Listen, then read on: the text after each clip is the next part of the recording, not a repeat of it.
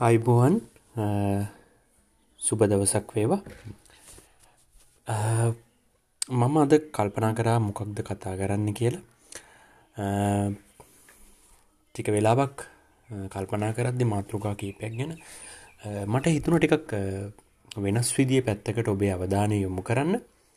විශේෂයෙන්ම සාහිත්‍ය පොතපත ඇසුරු කරන අය මේ කහනවා කියල මං විශ්වාස කරනවා. ඉතින්න ඔබත් එක ටිකක් දොටමලු වෙන්න හිතුවා. මාටින් වික්‍රමසිංහ මහත්මයගේ විරාගය කියන කෘතිය ගැන. මම කෘතිය ගැන කතා කරන්න පටන් ගන්නේ කතාව ගැන නෙවෙයි. ඒ කතාව ගලාගෙන යන විදිය ගැනවත් නෙවෙයි. මම මේ කෘතියේ චරිත වෙන් කරලා ඒ චරිත ඒ ගැන මට හිතෙන දේ ඔබත් එක බෙදාහදා ගන්න තීරණය කළා. විරාගය කෘතියේ අපිට හම්බ වෙනවා ප්‍රධාන චරිත කීපයක්. ප්‍රධාන වශයෙන්ම අරවින්ද පස්සේ සරා හිවිවත් සරෝජිනය අපිට හම්බ වෙනවා. ඒවගේම බත්තිී හම්බ වෙනවා අපට ඒවගේම මේනකා අපිට හම්බ වෙනවා ඒවගේම අරවින්දගේ පියා අපිට හම්බ වෙනවා. අරවින්දගේ අම්ම අපිට හම්බ වෙනවා. මේනකගේ සැමිය. ධර්මසිරි අපිට හම්බ වෙනවා. එවගේම කතාව අවසාන හරියට ජිනදාස අපිට හම්බ වෙනවා. ඒවගේම කතාව පුරාවටම කුල සූරිය කියල චරිතයක් අපිට හම්බ වෙනවා විවිධ තැන්වලද. මේ ඔක්කොම චරිත ගැන නැතත් ප්‍රධාන වශයෙන්ම අරවින්ද මේනකා බත්ති සරෝජිනී කියන චරිත හතර ගැන ඔබත් එක කරුණු බෙදාහදාගන්න මම හිතුව. අරවින්ද තමයි මේ කතාවේ කතාව කියන කෙනා තකොට මේ කතාවේ ආරම්භයේ ඉඳල නෙවෙයි දෙවැනි පරිච්චේදේ ඉඳලා කතාව අග වෙනකම්ම කතාව කියාගෙන යන්නේ අරවින්ද ඒ වගේම අරවින්ද ලියපු කතාවක් වෙන කෙනෙක් විසින් සංස්කරණය කල්ලා අපිට කියවන්න සලස්වනවා කියල තමයි කතාව මුලින් සඳහන් වෙන්නේ. අරවින්දගේ තියෙන විශේෂත්වය තමයි අරවින්ද කියන්නේ තාමත් ප්‍රායෝගික චරිතයක්. ඒ වගේම අරවින්ද සමාජීක පැත්තෙන් අප්‍රායෝක චරිතයක්. දැන් මොකක් දේකිව්ව කියලා කිව්වොත් අරවින්දර තේරෙනවා ඇත්තටම තමන් හිතන්නේ කොහොමද කියන එක. ඇත්තටම තමන්ගේ චෛතසිකයන් ක්‍රියාත්මක වෙන්න කොහොමද? ඒක ප්‍රායෝගිකව ක්‍රියාත්මක වෙන්න කොහොමද කියන අරවින්දට තේරෙනවා. නමුත් සමාජයත් එක්ක ඒ කියන දැනුවත්වීම මුහු වෙන තැනදි අරවින්ද ෆෙල් කැරක්ට එකක් බෝඩ පත්වෙනවා මේ කතාවේ ප්‍රධාන චරිතය අරවින්ද වෙනකොට අරවින්ද අපට කියල දෙන දෙයක් තමයි නිතරම තමන්ගේ තමන් හරියට ඉන්න තැන. මොකක්ද කියනක තේරුම් ගන්න කියන එක. උදාහරණයක් විදියට මම තැන් කිහිපයක් දකින ඔහු කියනවා තාත්ත මාස ගානක් ලෙඩ වෙලා ලෙඩ හැඳේ ඉන්නවා. මුල් කාලේ අරවින්දට තාත්තගෙන අනුකම්පාවක් ඇති වුණත් පස්සෙ කාලෙක මේ අනුකම්පාව අඩු වෙලා යනවා. නමුත් අරවින්ද එක පෙන්නන කැමති වෙන්නේ නැහැ. එවගේ මරවින්ද ඔහුගේ අම්ම සාක්ක ගැන කියනවා ඔවුන්ටත් මුල් කාලේ දක්කොපු සෙනෙහස තාත්තර දක්වන්න බැරිවෙන අන්තිම වෙලාවදි. නමුත් ඔවුන් ඒක එක්ස්ප්‍රස් කරන්න එලියට එක්ස්පෝස් කරන්න කැමති වෙන්නේ නැහැ ඔවුන් ඔවුන් නරකයි කළ එලියට පෙන්න්න කැමති වෙන්නේ නැහැ. ඒ වගේම ඔවුන් ඔවුන් නරකයි කළ හිතන්න කැමති වෙන්නෙත් නෑ නමුත් අරවින්ද කියනවා මම තාත්තගේ තාත්තගේ තාත්තගෙන ති බාදරය අඩුවීමක් නෙමයි. නමුත් මට කාමරයට ගීල විනාඩි පහක්වත් ඉන්න බැරිවුණ පස්සේ. ඒවගේ මරවින්ද වැදගත්දයක් අපිට කියන අරවින්දට සරෝජනීගේ ලියුම් කියවන එක ලොකු වුණා වටින්න ගත්තා. තාත්තත් එක්ක කාමරේ ඉන්නවට වඩා ඒ අරවින්ද වැරැද්දක් කියල හිතන අරවින්ද එක වැරැද්දක්ද කියල ප්‍රශ්නාර්ථයක් නගෙනවා. නමුත් මේ තත්ත්වය හරියට තේරුම් ගත්තොත් අපිට අපේ සාමාන්‍ය ජීවිතය පවා අපි ඒ එලියට එක්ස්පෝස් කරන්න කැමති නොවනත් අපිත් ප්‍රායෝගිකව ක්‍රියාත්මක වෙන්න මේ විදිහටමයි. ඒ වගේම තැන් කිහිපේක අරවින්දගේ මේ සිද්ධිය දකින්න ලැබෙනවා. ඔහු බතීට පොඩිකාලින්ද නොගන්නනවා නමුත් බතීගේ පොතේ ලියල තියෙන විදිට වල් කවියක්. ඒ කියන්නේ මේ ශෘංගාරය රාගය මුසු වෙච්ච කවියක්. දකින අරවින්ද කිපෙනවා තරහගන්නවා අරවින්ද හිතනවා බති එහෙම නොලියන්න ඕන කියලා. අරවින්ද කියනවා පොඩිකාලෙ ඉඳලා උගන්නපු මේ ළමයා මෙහෙම වුණේ කොහොමද? කියලා අරවින්ද ප්‍රශ්න නගනවා. ඒ වගේම අරවින්දට බතේගේ පර්ෆියුම් එක සුවඳ පැන් කියල සඳහන්න පර්ෆියුම් එක සුවඳෙනවා. අරවින්ද කල්පනා කරනවා කොහොමද මේ කිසි මාසාවක් කිසිම ලස්සනක් කිසිම සුවඳක් නැතුව ජීවත්වෙන හතන අරවින්දගේ ගෙදර බතී වගේ සුවඳ පස්සේ ලස්සන පස්ස යන කෙල්ලෙක් හැදුන වැඩුන කියලා. එකන අරවින්ද හිතනවා තමන් හදපු කෙනා තමන් වගේ වෙන්න ඕන කියන එක. ඒ වගේම පොතේ යම් තැන්නල පේන්න තියෙනවා ජීවිතයට ලිංගිකමය පහසක් නොලබපු අරවින්ද බතී ගැනත් යම්කිසි සරාගික සිතිවිල්ලකින් බලන්න පෙළඹෙනවා එක් අවස්ථාවකද නමුත් ඒක අරවින්ද පාලනය කරගන්න බොක් පේන්න තියෙනවා. අරවින්ද සම්පූර්ණයෙන් ගත්තම ඉතාමත් ගූඩ ගුප්ත චරිතයක්. මේ ගුප්ත බව කතාව පුරාවටම දකින්න ලැබෙනවා. ඒ වගේම ඒක ගුප්ත වෙන්නේ පිටින් අරවින්ද දිහා බලන කෙනෙක්ට මේ පොත කියවන කෙනෙක්ට අරවින්දගේ නියම හරස්කඩක් පේන්න තියෙනවා. අරබින්ද හිතන පතන විදිය අරවින්ද ආසාවල් පස්සේ ගිහිල්ලා ඒවා ෆේල් කියලා දැනගන්න විදිය ඉට පස් ඒව පස්සේ යන්න උත්සා නොකරන විදිය අරවින්ද ආසාාවෙන්නේ මොනවටද අරවින්ද ඇත්තට මාදරය කරන්නේ මොන විතියටද අරවින්දගේ හිතේ ඒ කියන තරම් නිදහස්කාමී සිතුවිල්ලක් නැතේ කියලා අපිට තේරෙනවා. සරෝජනී ලියවමක් ලියනව අරවින්දට එක්තර අවස්ථාවකදී. පැනල යන්න කරන ආරාධනයක්. නමුත් අරවින්ද අක්කත් එක කතා කරලා මේනකත් එක කතා කරලා අවසානි සරෝජනීට යවනවා. මේකෙන් සිද්ධ වෙන්නේ ඔබේ චරිතයට හානියක්. ඒක මට වෙකරන්න බෑ කියලා අරවින්ද සමාජය පැත්තෙන් හිතලා තමන්ගේ අර එලිය එලියයි හිතන නිදහස්කාමි සිතුවිල්ලෙන් බැහැර තීරණයක් ගන්නවා. ඉතින්න ඒ අරවින්ද කතා අරවින්ද ගැන අපිට තව කතා කරන්න දෙවල් ගොඩක් තියෙනවා. ඒ ටික තියල මම යනවා සරෝජනී දෙයාවට සරෝජනගේ චරිතය අපට තිගටම දකින්න තියෙන දෙයක් තමයි අරමුණක් තියෙනවා සරෝජනීට ජීවිතය සරෝජනී ආරවින්දත් එක කතා කරනකොට පැහැදිලිවම අපිට තේරෙනවා අරවින්දර නොතේරුණත් සරෝජනීට අනාගතයේ අරවින්ද ගැන ආදර හැඟීමක් තියෙනවා කියන එක. ඒ ආදර හැඟීම ඉවර වෙන්න ඕන කොතෙන්ද කියන එක විදිහට සරෝජිනි විශ්වාස කරන්නේ විවාහය කියන එක. ඒක කතාව පුරාවටම කතාව මැදට වෙනකම් මේක අපිට දකින්න ලැබෙනවා.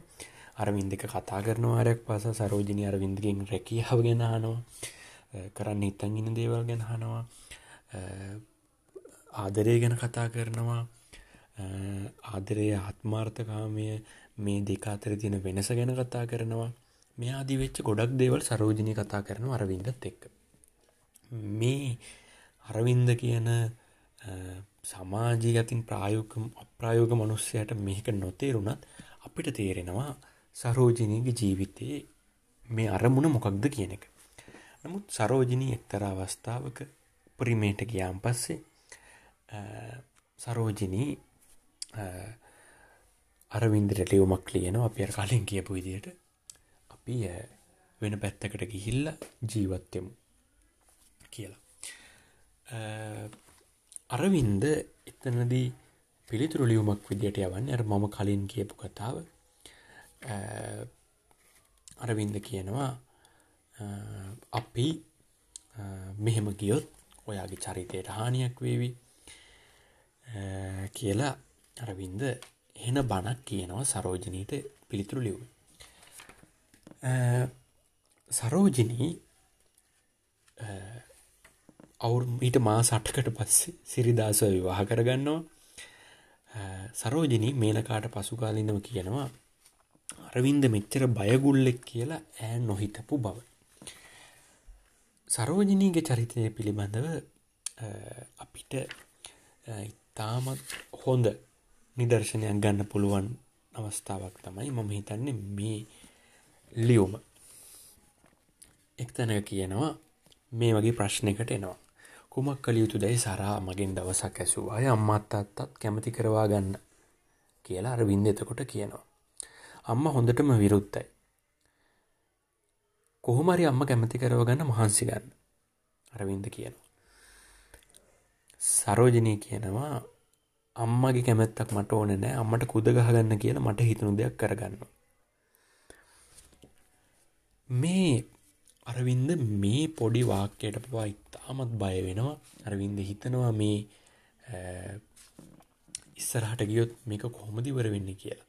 පෙරකුරුදුරු මහත්තර තාත්ත කැමති නෑ තාත්තික කතා කරන්න දෙපා. එනම් මේනකාට කියලා කතා කරවන්න පුළුවන්. එපා වැදගැන්මක් නෑ. තාත්ත පෙරකදූරු මහත්තයට අකමැති වෙන්නේ සරා මට කැමති බවන් දන්න නිසා වෙන්න ඇති. නෑ. එහෙනම් තාත්ත පෙරකදූරු මහත්තයට අකමැති වෙන්න කුමක් නිසාද. තාත්ත කැමති සිරිදාසට. සරෝජනී කොච්චර තමනි අරමුණේ එල්බගෙන ඉන්නවද කියනවනම් ඇය මම දකින්නේ අර මනමේ නාට්ටය තමන්ගේ පෙම්මතා ෆෙල් වෙනව දැකලා කඩුව වැදි රජ්ජුරුවන්ට දුන්නු තරුණියගේ ස්වරූපය. තාමත්ම ස්තිරදේ තමයි ලංකාවේ ඒ කාලෙ පැවති සමාජ වාතාවරණයක්ත් එක්ක ස්ත්‍රියකට නිතරම ඩිපෙන්ඩ් වෙන්න වෙනවා යැපෙන්න වෙනවා පුරුෂයා මත එතකොට අරවින්ද නැත්තං වෙන කෙනෙක් එක විවාහ වෙන්න සරෝජනයට සිද්ධ වෙනවා. අරවින්ද සරෝජනීගේ නිර්භීත තීරණය දකින්නේ තාමත් බියගුළු විදියට නම් සරෝජනීට සිද්ධ වෙනවා තාමත් යථාර්ථවාදී විදියට සිරිදාසට කැමති වෙන්න සිරිදාස සමඟ විවාහ වෙන්න. මේ කතාව කිසිම තැන සිරිදාස ගැන කිසිම වැරදි වචනයක් සරෝජනී කියන්නේ නැහැ. වගේම සිරිදාස ඔහු ඇත්ත කතා කරනකොටත් සිරිදාසට එක් කිසිම දවසක විරුද්ධ වෙන්නේ නැහැ. එතකොට සරෝජනගේ හිතේ සමහරවිට තියෙන් නැති ප්‍රායෝක ගෑනු කෙනෙක් වශයෙන් මේ මනුස්සය නැත්තම් මට මේ මනුස්සත් එක යන්න වෙනවා කියන සිතිවිල්. එනි සාවසානයේ අරවින්දගේ ප්‍රතික්ෂේපිත ලියුමෙන් පස්සේ සරෝජනී ඉක්මනට තීරණයක් ගන්නවා සිරිදාසත් එක විවාහ වෙන්න. ඒ සරෝජනීගේ කතාව. ඊට පස්සේ අපිට කතාව හම්බෙන චරිතයක් තමයි මේනකා කියලා කියන්නේ. මේනකා කියන්නේ අරවින්දගේ අක්ක අරවින්දගේ වැඩිමහල් සහෝදරී. අරවින්දක වැඩිමහල් සහෝදරිය තාමත් රිජු ගති පැවතුම් තියෙන ගෑනු කෙනෙක්. ඇය ඇගේ අම්මත් එක් කරණ්ඩු වෙනවා ඇගේ තාත්තත් එක් කරණ්ඩු වෙනවා ඇගේ මල්ලිත් එක් කරණ්ඩු වෙනවා නමුත් ඇගේ හිතේ රිජු අධිෂ්ඨානයක් තියෙනවා යම් කාරණයක් සම්බන්ධ ඒ කාරණය සනාත වෙනතෙක් ඇය සටන් කරනවා. ඒ ඇගේ ක්‍රමය.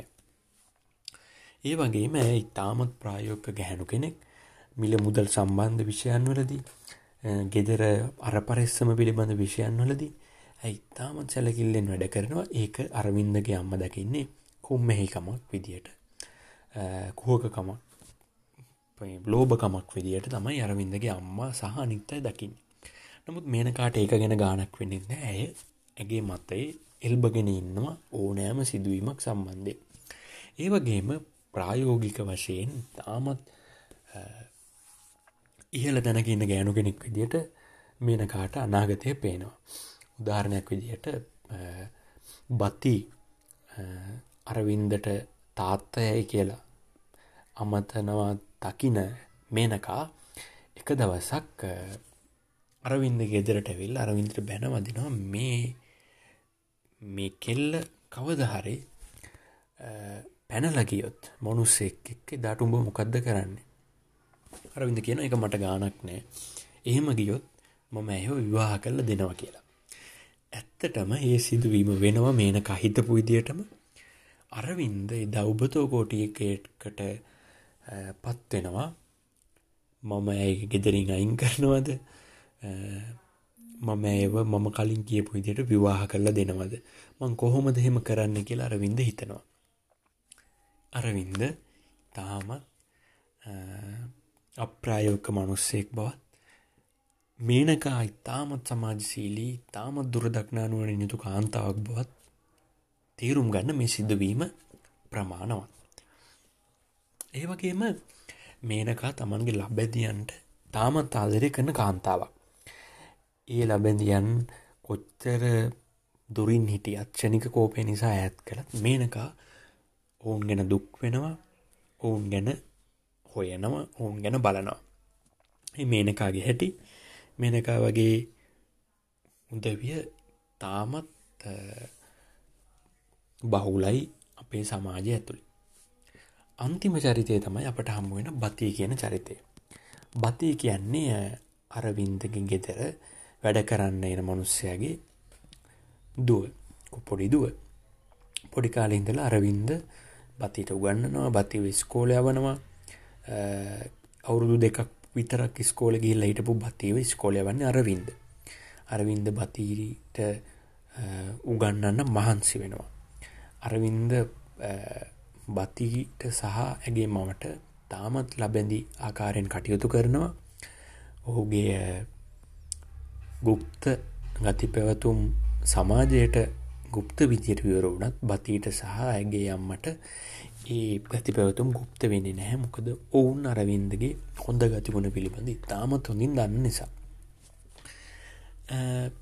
ඒ වගේම බති ටික කාලයක් යැනකොට අවුරුදු හතක් අටක් වෙනකොට අරවින්දට තාත්ත කියල කතා කරන්න පටන් ගන්නවා. එකට හේතුව විදිට අරවින්ද කියන්නේ ස්කෝලෙදි තාත්ත ගැන ප්‍රශ්නහනකොට බතිට උත්තරයක් දෙන්න නැබෙන්න එක හින්ද ළමයි කතා කරනවා හෙනව තාත්තර ගැන. ඉතින් බති පුරුදු වෙනවා අරවින්දට තාත්තා කියල කතා කරන්න. මේ සංසිද්ධිය දිගටම යනවා අරවින්දට තාත්ත කියල කතා කරනවා බති. මේකට මේනකා කැමති වෙන්නේ නැහැ. කියන්නේ අරවින්දගේ අක්ක කැමති වෙන්නෙත් නැහැ. මේකට සරෝජනී කැමති වෙන්නෙත් නැහැ. මේකට අරවින්දගේ පාර්ශවය කවුරුවත් කැමති වෙන්න මේ බතිගේ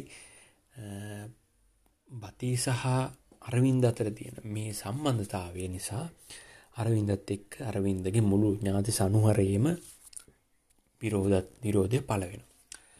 බති එන්න එන්න වැඩිමහල් වියට පත්වෙනවා අරවින්ද කියනවා ඇගේ ඇඟ ලොකු වෙන හැටි ඇගේ දෙතොල් දැන් ලස්සන තරුණයක් වගේ හැදිල තියෙන හැටි ඇගේ සිරුර වර්ධනය වෙලා තියෙන හැටි අරවිඳ දකිනවා ඉතින්න බති ලොකු වෙනවා පති ලොකු වුණත් අරවින්දගේ දකින්න ලැබෙන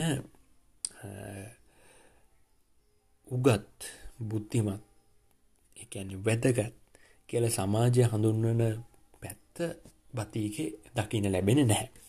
ඒ වෙනුවට බතියක දකින්න තියෙන ග්‍රාම්‍ය ස්වරූපයක් ග්‍රාම්‍ය ගතිගුණ.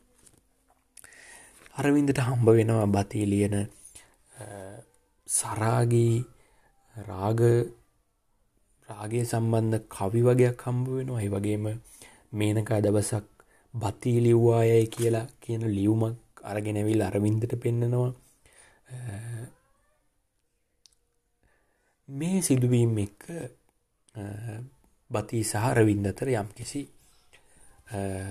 තාප්පයක් ගොඩ නැගෙනවා නමුත් බති ඒ තාප්පය ප්‍රතික්ෂේප කරමින් අවසාන මොහොත දක්වා අරවින්ද වෙනුවෙන් ඉන්නවා අරවින්ද කියනවා මේනකාක්ක තාත්ත බලාගත්තරත් වඩා හොඳට බති මාව අවසාන කාලේ බලාගත්තු බව. මේ කතාව කනකලූෂන් එකක් විදියට සම්පූර්ණ දේම එකතු කරලා සාරංශයක් විදියට ගත්තම මට හිතෙන්නේ ලංකාවේ බිහිවෙච්ච ඉතාමත් විශිෂ්ටතම නව කතාවක් මේ නවකතාව විශිෂ්ට වෙන්නේ අපි දකින චරිතවල හුදෙක් එලියෙන් දකින සමාජය පෙනුමට එහා ගිහිල් ඇතුළට ගිහිල්ල ඒ චරිත කොහොමද හිතන්න පතන්නේ කියන අභ්‍යන්තර සංකීර්ණ කාරණාව ගැන අපේ අවධානය යොමු කිරීම. මේකේ විශේෂයෙන්ම අරවින්ද ෆෝකස් වෙනවා අරවින්දව මුලට එනවා මේ කතාවේ. අරවින්ද කියන්න ඉතාමත් වෙනස් චරිතයක්. ඒ කාලෙ තිබ්බ සමාජ ක්‍රමයක්ත් එක්ක ආගම ප්‍රතික්ෂේප කරන අරවින්ද අවසාන කාලයේදී ආගම ප්‍රතික්ෂේප කරන බවට යම්කිසි ඉංගි පල වෙනවා මේ කතාවේ. ඒ වගේම සමාජ ක්‍රමය කුලසිරිත් ප්‍රතික්ෂේප කරනවා අරවින්ද. ඒ වගේම එක පැත්තකින් එහෙම ප්‍රතික්ෂේප කරද්දී අනිත් පැත්තෙන් තමා එහෙම නොවුනත් අනිත් අය සමාජ ජීවීන්න කියන මතය එක්ක අරවින්ද සමාජයට බය වෙනවා. නමුත් බහුතරයක් සැලකුවම අරවින්ද කියන්නේ තාමත් වෙනස් මිනිස්සෙක්. උඩුගම්බලා පීනපු කෙනෙක් ජීවත් වෙච්ච කාලේ Tamanගේ ජීවිතයේ Tamanට හිතෙන Tamanට නිදහස් කියලා හිතෙන අරමුණු වෙනුවෙන් පීනපු පියාඹපු මනුස්සෙක් විදිහට අරවින්දවම දකිනවා. මේ කතාව සමස්තයක් විදිහට දැක්කත්තම ඉතාමත් විශිෂ්ට කතාවක්.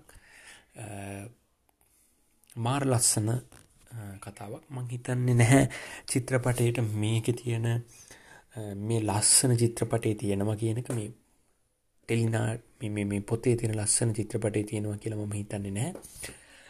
නමුත් මේක ටෙලිනාට්ටයකට ගියානම් මේකට වඩා හොඳට ඉතාමත් තොරතුරු තියෙන විදියට ඩීටේල්ස් පේන විදියට මේක කරන්න තිබ්බ කියලා මට හිතෙනවා.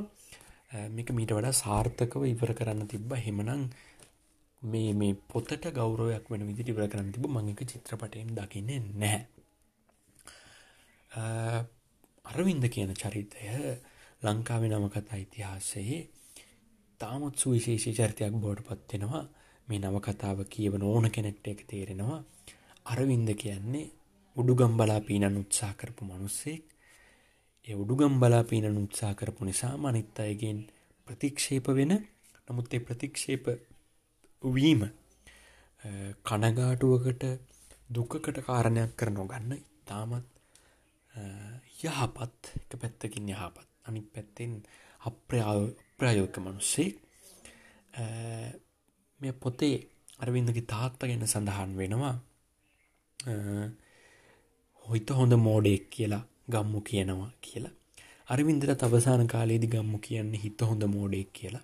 එවගේම ගම්මු අරවින්ද සහ මේ කුලසිරි කියන මනුෂ්‍යය ගැන යම්කිසි සමලිංගික සම්බන්ධාවයක් ගැන හාස්‍යෝත්පාදකව කතා කරනවා කියලා පොතේ යම් යම් තැන්වල ඉංගි පල වෙනවා. අපිටත් හිතනවා මේ පොත කියවද්දී අරවින්ද සහ කුලසිරි අතර ඒ වගේ සම්බන්ධතාවයක් තිබුණද? අරවින්ද සහ කුලසිරි අතර ඒ වගේ ඇයි හොඳ යක්ද තිබ්බේ? ඒවගේම කුලසිරි යම් යම් තැන්වල කියනවා මම ගෙදරට ගෑනුව ඇවරට ගන්න නැහැ. උන් කරන්නේ කෑමක් රසට උයලා උන් කෙරේ ඇඳ බැඳ තියාගන්නවා අපිව. ඊට පස්සේ උන්ට උන් යවන්න අපිට හිතෙන්නේ නැහැ. නමුත් පිරිමියයි එහෙම නෙවෙයි ඒක ඉඳන් මම පිරිමියයි තමයි ගෙදර වැඩට තියාගන්නේ කියලා කුලසිරි කියනවා. මේක මට එක විදිහකට හිතෙනවා මේක යම්කිසි සංකේතාත්මකව මේ ලිංගිකත්වය පෙන්ඩන්න හැදුවද කියලා. නමුත් තාමත් සොෆ්ට් විදියට බැලුවොත් සංකීර්ණව නොහිත මේකින් එක පැත්තකින් පෙන්නනවා ගමේ මිනිස්සු හෙම හිතුවට මෙයාල එහෙම නෙවෙයි කියලා. මේ දෙකාතරි මේ කතාව දෝලනය වෙනවා කියලා මට හිතෙනවා. එක හොඳ පොයින්ට එකක් මේ කතා විශිෂ්ට බව කියන්න. මොකද සමහර කතා වල අපිට ඔක්කොම එක්ස්පෝස් වුනාම ඒ කතාවේ තියෙන ලස්සන නැති වෙනවා. මේ කතාවේ කුතුහලය ඇතුළ දුවන කතාවක් වීම නිසා ඒක පොඩි ලස්සනකුත් තියෙනවා. ඒක යුග ගානක් සමහට ශතවර්ෂ ගාන කතා කරන්න හේතුවක් නිර්මාණය කරවා ඉතින් මේ විදියට තමයි අද අපි කතා බහිපර කරන්නේ. මේ පොත් හොයාගෙන කියවන්න මේ චිත්‍රපටි බලන්න මේ ටෙලිනාට්‍ය බලන්න නිර්මාණ කරන්න මේව ගැන මේව ගැන කතා කරන්න මේව ගැන සංවාද කරන්න. අවුරුදු පහේ හයේ පොඩියුන්ව මැරයන් විදියට උත්කර්ෂයට නංවල කරන කතා බහවලින් මිදිලා මේ ඔබේ විවේක කාලය සාහිත්‍යයට සිනමාවට නියම රසවින්දනයට බර කරන්න කාලය උදා වෙලා තියෙනවා කියලා මම හිතෙනවා. ඉතින් හදට සමුගන්නම් ඔබට සුබ දවසක් වේවා.